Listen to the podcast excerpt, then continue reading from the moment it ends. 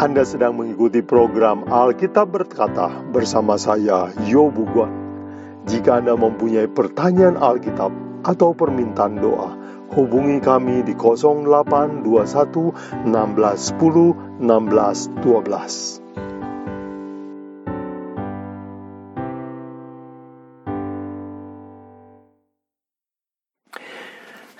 Selamat bertemu kembali dalam pelajaran Alkitab berkata, Saudara sekalian, hari ini kita akan belajar. Jika Anda ingin melihat mujizat, lakukan ini. Baik, saudara sekalian, kita akan berdoa. bahwa kami di surga, terpuji nama Tuhan, Allah yang sanggup melakukan mujizat, tetapi Tuhan memberikan syarat agar mujizat terjadi. Sekarang kami mau belajar apa syarat itu supaya kami boleh melihat berkat Tuhan, mujizat Tuhan dalam hidup kami. Bantu kami selama belajar dalam nama Yesus kami berdoa. Amin. Baik saudara sekalian, ada sebuah mari kita belajar hari ini adalah kalau saudara ingin melihat mujizat lakukan ini. Ya, kita akan belajar dari Yohanes 11.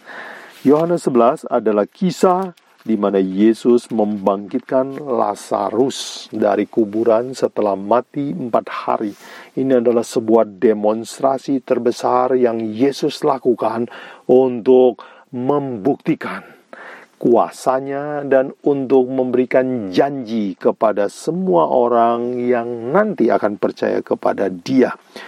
Dalam 11 Yohanes 11 ayat 25 Yesus berkata, Akulah kebangkitan dan hidup. Barang siapa percaya kepadaku, ia akan hidup walaupun ia mati. Dan ayat 26 dia lanjutkan, dan setiap orang yang hidup dan percaya kepadaku tidak akan mati selama-lamanya. Percayakah engkau akan hal ini? Yesus mau kita percaya dengan melakukan demonstrasi ini. Satu contoh sudah cukup, tidak perlu minta contoh lagi. Itulah iman yang Yesus harapkan. Dan sudah sekalian, apa yang terjadi dalam Yohanes 11 yaitu Lazarus adalah sahabat Yesus, dia sakit. Dan ketika diberitahukan bahwa dia sakit, Yesus sengaja berlambat-lambat. Mari saya baca misalnya Yohanes 11 ayat 6 dikatakan, namun setelah didengarnya bahwa Lazarus sakit, ia sengaja tinggal dua hari lagi di tempat di mana dia berada da, Yesus sengaja berlambat-lambat.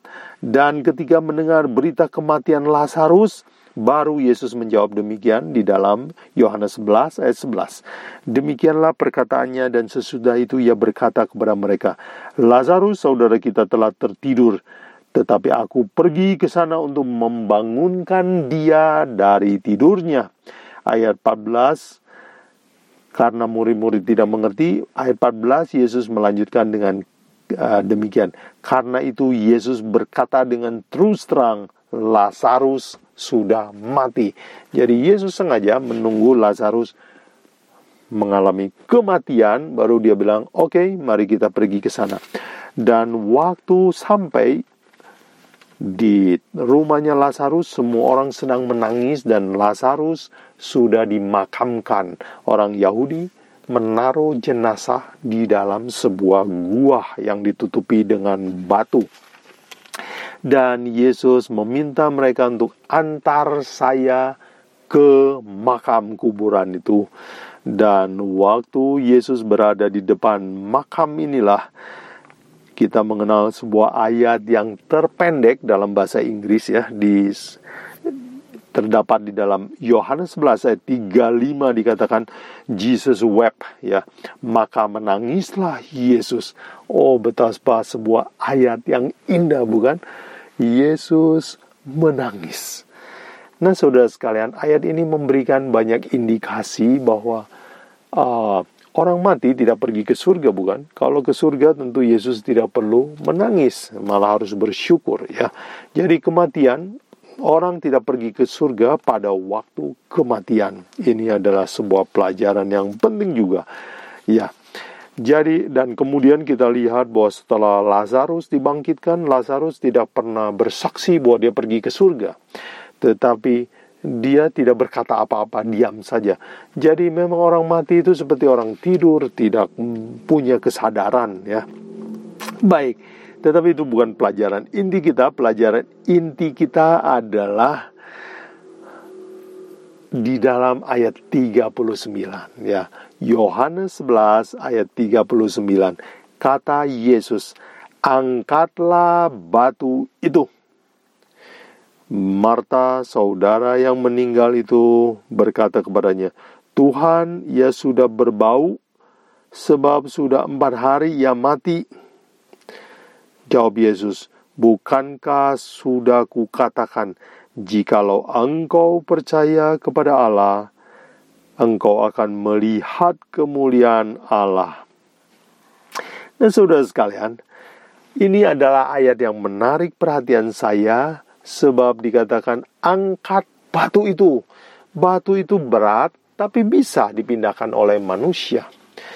Nah, saya ingin saya bertanya-tanya, Yesus kan bisa membangkitkan orang mati. Kenapa dia tidak berfirman dan terjadi mujizat batu itu berguling seperti pintu otomatis ya? Mengapa dia yang bisa membangkitkan orang mati tidak menggeser batu? Tetapi dia berkata, angkat batu itu. Jadi apa arti dari ayat ini saudara sekalian? Mengapa Yesus melakukan mujizat tetapi tidak melakukan pengangkatan batu ini.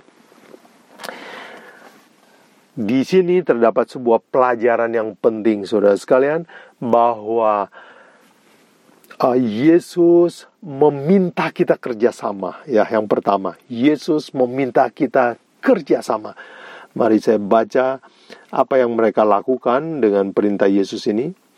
Uh, Ibra Yohanes 11 ayat 41 maka mereka mengangkat batu itu. Lalu Yesus menegada ke atas dan berkata, Bapa, aku mengucap syukur kepadamu karena engkau telah mendengarkan aku.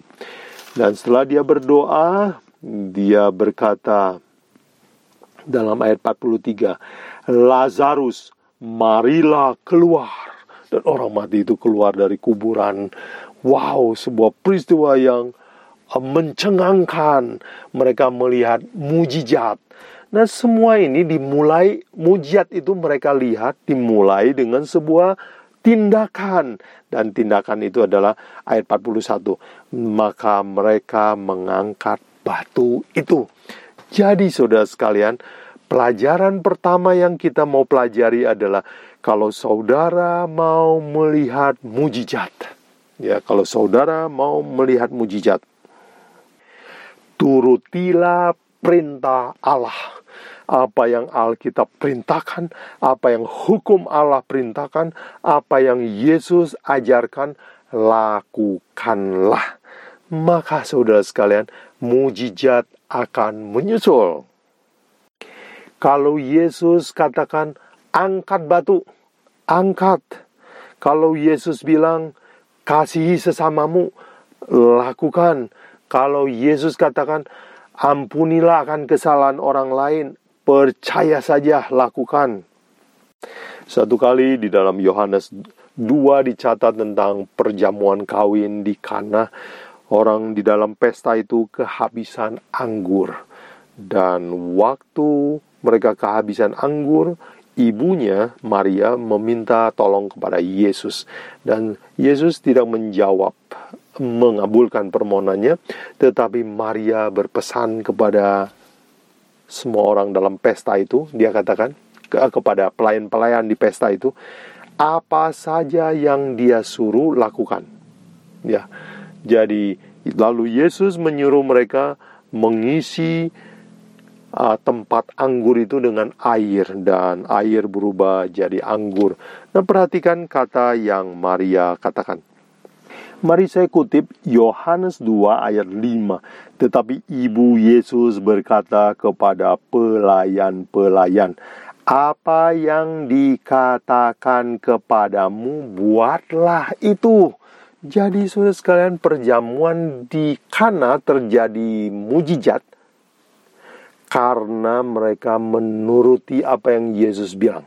Yesus katakan, isi tempayan dengan air, mereka lakukan walaupun mereka tidak begitu mengerti maksudnya. Jadi saudara sekalian, penurutan adalah dasar jikalau saudara melihat ingin melihat mujizat. Nah, saudara sekalian, penurutan adalah dasar Allah mau melakukan mujizat. Kita lihat sebuah ayat lain yang dicatat oleh Alkitab di mana Yesus tidak mau berbuat mujizat. Lukas 23 ayat 8 yaitu Yesus akan disalib dibawa kepada Herodes. Saya baca Lukas 23 ayat 8. Ketika Herodes melihat Yesus, ia sangat girang sebab sudah lama ia ingin ingin melihatnya karena ia sering mendengar tentang dia lagi pula.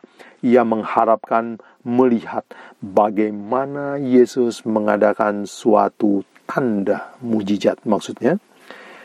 Ia mengajukan banyak pertanyaan kepada Yesus, tetapi Yesus tidak memberi jawab apa pun. Itu di dalam ayat 9. Jadi Yesus tidak mau melakukan mujizat bagi orang yang melihat hanya untuk kesenangan, untuk penasaran, tetapi bukan untuk menurut.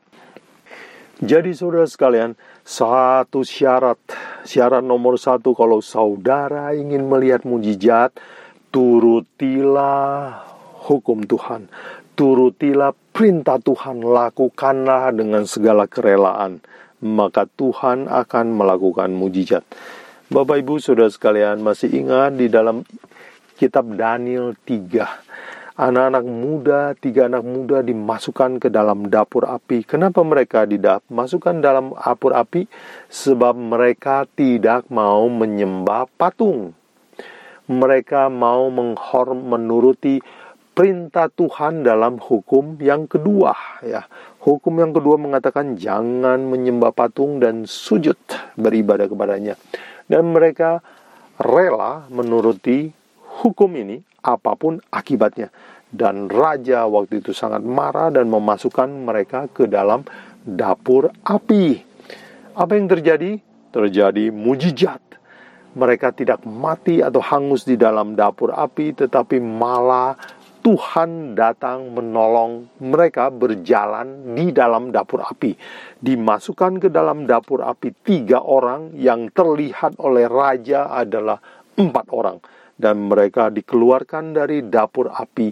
Tidak ada aroma atau bau hangus sedikit pun terjadi mujizat. Bapak Ibu, Saudara sekalian, orang-orang yang mau menuruti hukum Allah akan melihat mujizat. Ini adalah syarat nomor satu. Sekarang kita lihat syarat yang kedua ya. Di dalam Yohanes 11 ayat 41 Yesus berkata Maksud saya Yohanes 11 ayat 39 Yesus berkata, "Angkat batu ini." Yesus tidak melakukan mujizat menggulingkan batu sebab dia ingin kita bekerja sama dengan Allah. Ya, mau bekerja sama. Dengan perkataan lain, mujizat itu terjadi harus ada bagian yang dilakukan Allah, tetapi ada bagian yang harus dilakukan kita. Jangan sepenuhnya hanya mau menonton saja. Tuhan mau kita melakukan bagian kita yang dalam kesanggupan kita. Nah, sudah sekalian, di dalam catatan ini, yaitu Yesus membangkitkan Lazarus. Pertanyaan, apakah manusia bisa membangkitkan orang mati? Tidak bisa. Itu sebabnya Allah akan melakukan pembangkitan orang mati. Itu bagian dari Allah. Tetapi pintu kuburan walaupun berat, bisakah digulingkan oleh manusia? Jawabannya bisa. Jadi apa yang manusia bisa lakukan, Tuhan tidak akan lakukan. Ingat saudara sekalian, banyak sering kali kita berharap Tuhan melakukan hal-hal yang ajaib dalam hidup kita ya.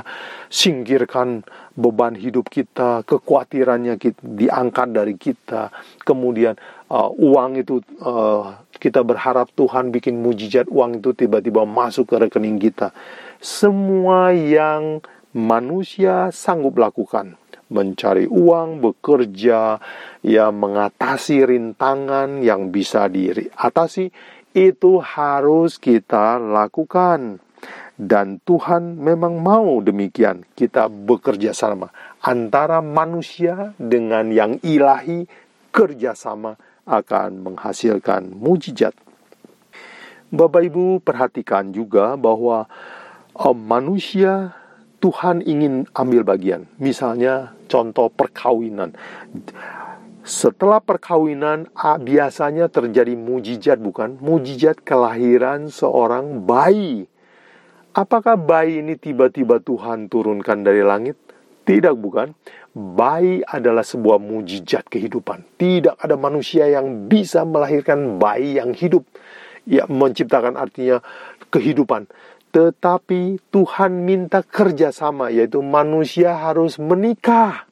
Seorang pria bertemu dengan seorang wanita dalam pernikahan yang sah, dan mereka melakukan bagiannya, dan Tuhan menurunkan berkat, yaitu mujizat, dan lahirlah manusia yang hidup. Kalau saudara perhatikan petani, apa yang petani lakukan? Petani menanam, mereka menyiram, mereka menggali, mereka menaruh benih di dalam tanah, tutup, kemudian mereka rawat dan mereka melakukan dan itulah bagian yang dilakukan oleh petani. Setelah mereka lakukan bagiannya, apa yang akan terjadi? Tuhan menurunkan hujan, lalu energi dari Tuhan mengalir di dalam alam, dan benih yang ditanam oleh petani itu mulai berkecam kecambah. Tumbuh menjadi tanaman yang baru bahkan bisa menjadi pohon raksasa yang besar sekali yang sangat berguna buat manusia. Jadi Bapak Ibu Saudara sekalian pertanian adalah contoh yang baik bahwa Tuhan mau kerjasama antara manusia dengan Allah. Manusia harus melakukan bagiannya. Dan setelah itu Allah akan melakukan bagiannya. Jadi saudara sekalian, Tuhan mau kita mau kerjasama dengan kita. Nah sekarang kita lihat apa syarat yang ketiga untuk melihat mujizat. Yang ketiga, saudara sekalian, syaratnya adalah untuk melihat mujizat adalah iya, kerjakanlah kewajiban kita dengan segenap tenaga, sekuat tenaga. Pengkhotbah 9 ayat 10 firman Tuhan katakan demikian. Segala sesuatu yang dijumpai tanganmu untuk dikerjakan, kerjakanlah itu dengan sekuat tenaga. Jadi, Yesus, kalau kita lihat Yesus memberikan teladan yang bagus waktu dia di bumi ini. Dia adalah anak tukang kayu dia mengerjakan pekerjaan kayu sebelum dia melakukan pekerjaan besar menjadi juru selamat dunia. Jadi saudara sekalian, mujizat terjadi hanya kalau kita mau ya setia dalam tugas yang Tuhan kasih sama kita. Apa yang dijumpai tanganmu kerjakanlah dengan sekuat tenaga. Dalam Lukas 16 ayat 10 Yesus mengajar demikian. Barang siapa setia dalam perkara kecil, ia juga setia dalam perkara yang besar. Barang siapa tidak benar dalam perkara-perkara kecil, ia tidak benar juga dalam perkara-perkara besar. Apa yang Yesus ajarkan? Kalau kamu mau melihat mujizat, itu perkara besar. Kamu harus setia dalam perkara kecil, ya Apakah tugas rumah tangga yang Tuhan percayakan kepada kita? Lakukan dengan baik. Kalau saudara adalah pelajar, ada PR, tugas belajar, kerjakanlah dengan baik. Kalau saudara adalah karyawan, mungkin tingkat bawah, tugas-tugas kecil, tetapi saudara kerjakan dengan tekun dan setia. Tuhan senang itu. Jadi, setia dalam perkara kecil adalah syarat untuk kita dipercaya perkara yang lebih besar, misalnya mujizat. Jadi, Bapak Ibu, Saudara sekalian, ini adalah pelajaran kita dari Yohanes 11 ayat 39 mengapa Yesus menyuruh orang-orang mengangkat batu kuburan sebelum melakukan mujizat. Dan kita dapatkan jawabannya hari ini ada tiga alasan. Alasan ini menjadi syarat kalau saudara ingin melihat mujizat. Syarat nomor satu, turutilah perintah Allah dengan rela hati. Walaupun kita tidak begitu mengerti maksudnya. Yang kedua, lakukanlah bagian kita sebelum Tuhan melakukan bagiannya. Tuhan mau ada kerjasama antara manusia dengan Tuhan. Dan yang ketiga, Tuhan mau melakukan mujizat kalau kita setia dalam perkara kecil. Apa yang ada di depan tangan kita, kesempatan yang terbuka, kerjakan dengan sekuat tenaga. Tuhan menghargai orang rajin, Tuhan menghargai orang yang setia dalam tanggung jawab yang kecil. Karena orang yang setia dalam tanggung jawab kecil, Tuhan akan mempercayai kepada dia tanggung jawab yang lebih besar, bahkan Tuhan akan menunjukkan mujizat kepadanya. Baik, saudara sekalian, pelajaran kita telah selesai. Mungkin, saudara sekalian, saudara bertanya, apakah saya pasti akan melihat mujizat? Saudara sekalian, jawabannya adalah pasti, tetapi kapannya kita tidak tahu. Ada banyak orang di seluruh hidupnya tidak melihat mujizat sama sekali. Mereka mati dalam percaya bahwa mereka akan melihat mujizat. Contoh orang itu adalah Yohanes Pembaptis. Dia rajin berkhotbah, memberitakan membuka jalan buat Yesus, tetapi dia dipenjarakan oleh Herodes. Lehernya dipotong, dipancung, dan dia mati dalam penderitaan tetapi di bahkan sebelumnya dia dipenjara, tetapi dia tidak pernah melihat mujizat kelepasan dalam hidupnya. Tetapi saudara sekalian, orang yang tidak pernah melihat dalam mujizat ini, Alkitab menjanjikan kalau kita tetap setia kita suatu hari akan suatu hari pasti akan melihat sebuah mujizat terbesar yang Tuhan akan demonstrasikan kepada kita. Mujizat apakah itu? Saya baca dari 1 Tesalonika 4 ayat 16 yaitu mujizat terbesar yang akan terjadi waktu Yesus datang di bumi ini. Dikatakan sebab pada waktu tanda diberi, yaitu pada waktu penghulu malaikat bersuruh dan sangka kala Allah berbunyi, maka Tuhan sendiri akan turun dari surga dan mereka yang mati dalam Kristus akan lebih dahulu bangkit. Ayat 17. Sesudah itu, kita yang hidup yang masih tinggal akan diangkat bersama dengan mereka dalam awan menyongsong Tuhan di angkasa. Demikianlah kita akan selama-lamanya bersama dengan Tuhan. Bapak, ibu, saudara sekalian, bukankah ini sebuah mujizat? Dan mujizat ini akan kita lihat akhir zaman, waktu Yesus datang ke bumi ini lagi. Bapak, ibu, saudara sekalian, jangan kecewa bila mana saudara setia dalam perkara kecil, bekerja sama dengan Tuhan dan selalu rajin menuruti hukumnya, tetapi saudara belum melihat mujizat. Bersabarlah, suatu hari kita akan melihat mujizat terbesar, yaitu kebangkitan orang mati. Kuburan akan terbuka, Yesus akan datang, kita akan bertemu dengan Dia dan hidup selama-lamanya tanpa lagi mengalami kematian. Mujizat terbesar ini semoga menjadi bagian dari pengalaman kita. Jadi saudara sekalian, jikalau saudara ingin melihat mujizat terbesar ini, setialah dalam tiga perkara yang telah kita pelajari tadi. Semoga Tuhan menolong dan memberkati kita semua.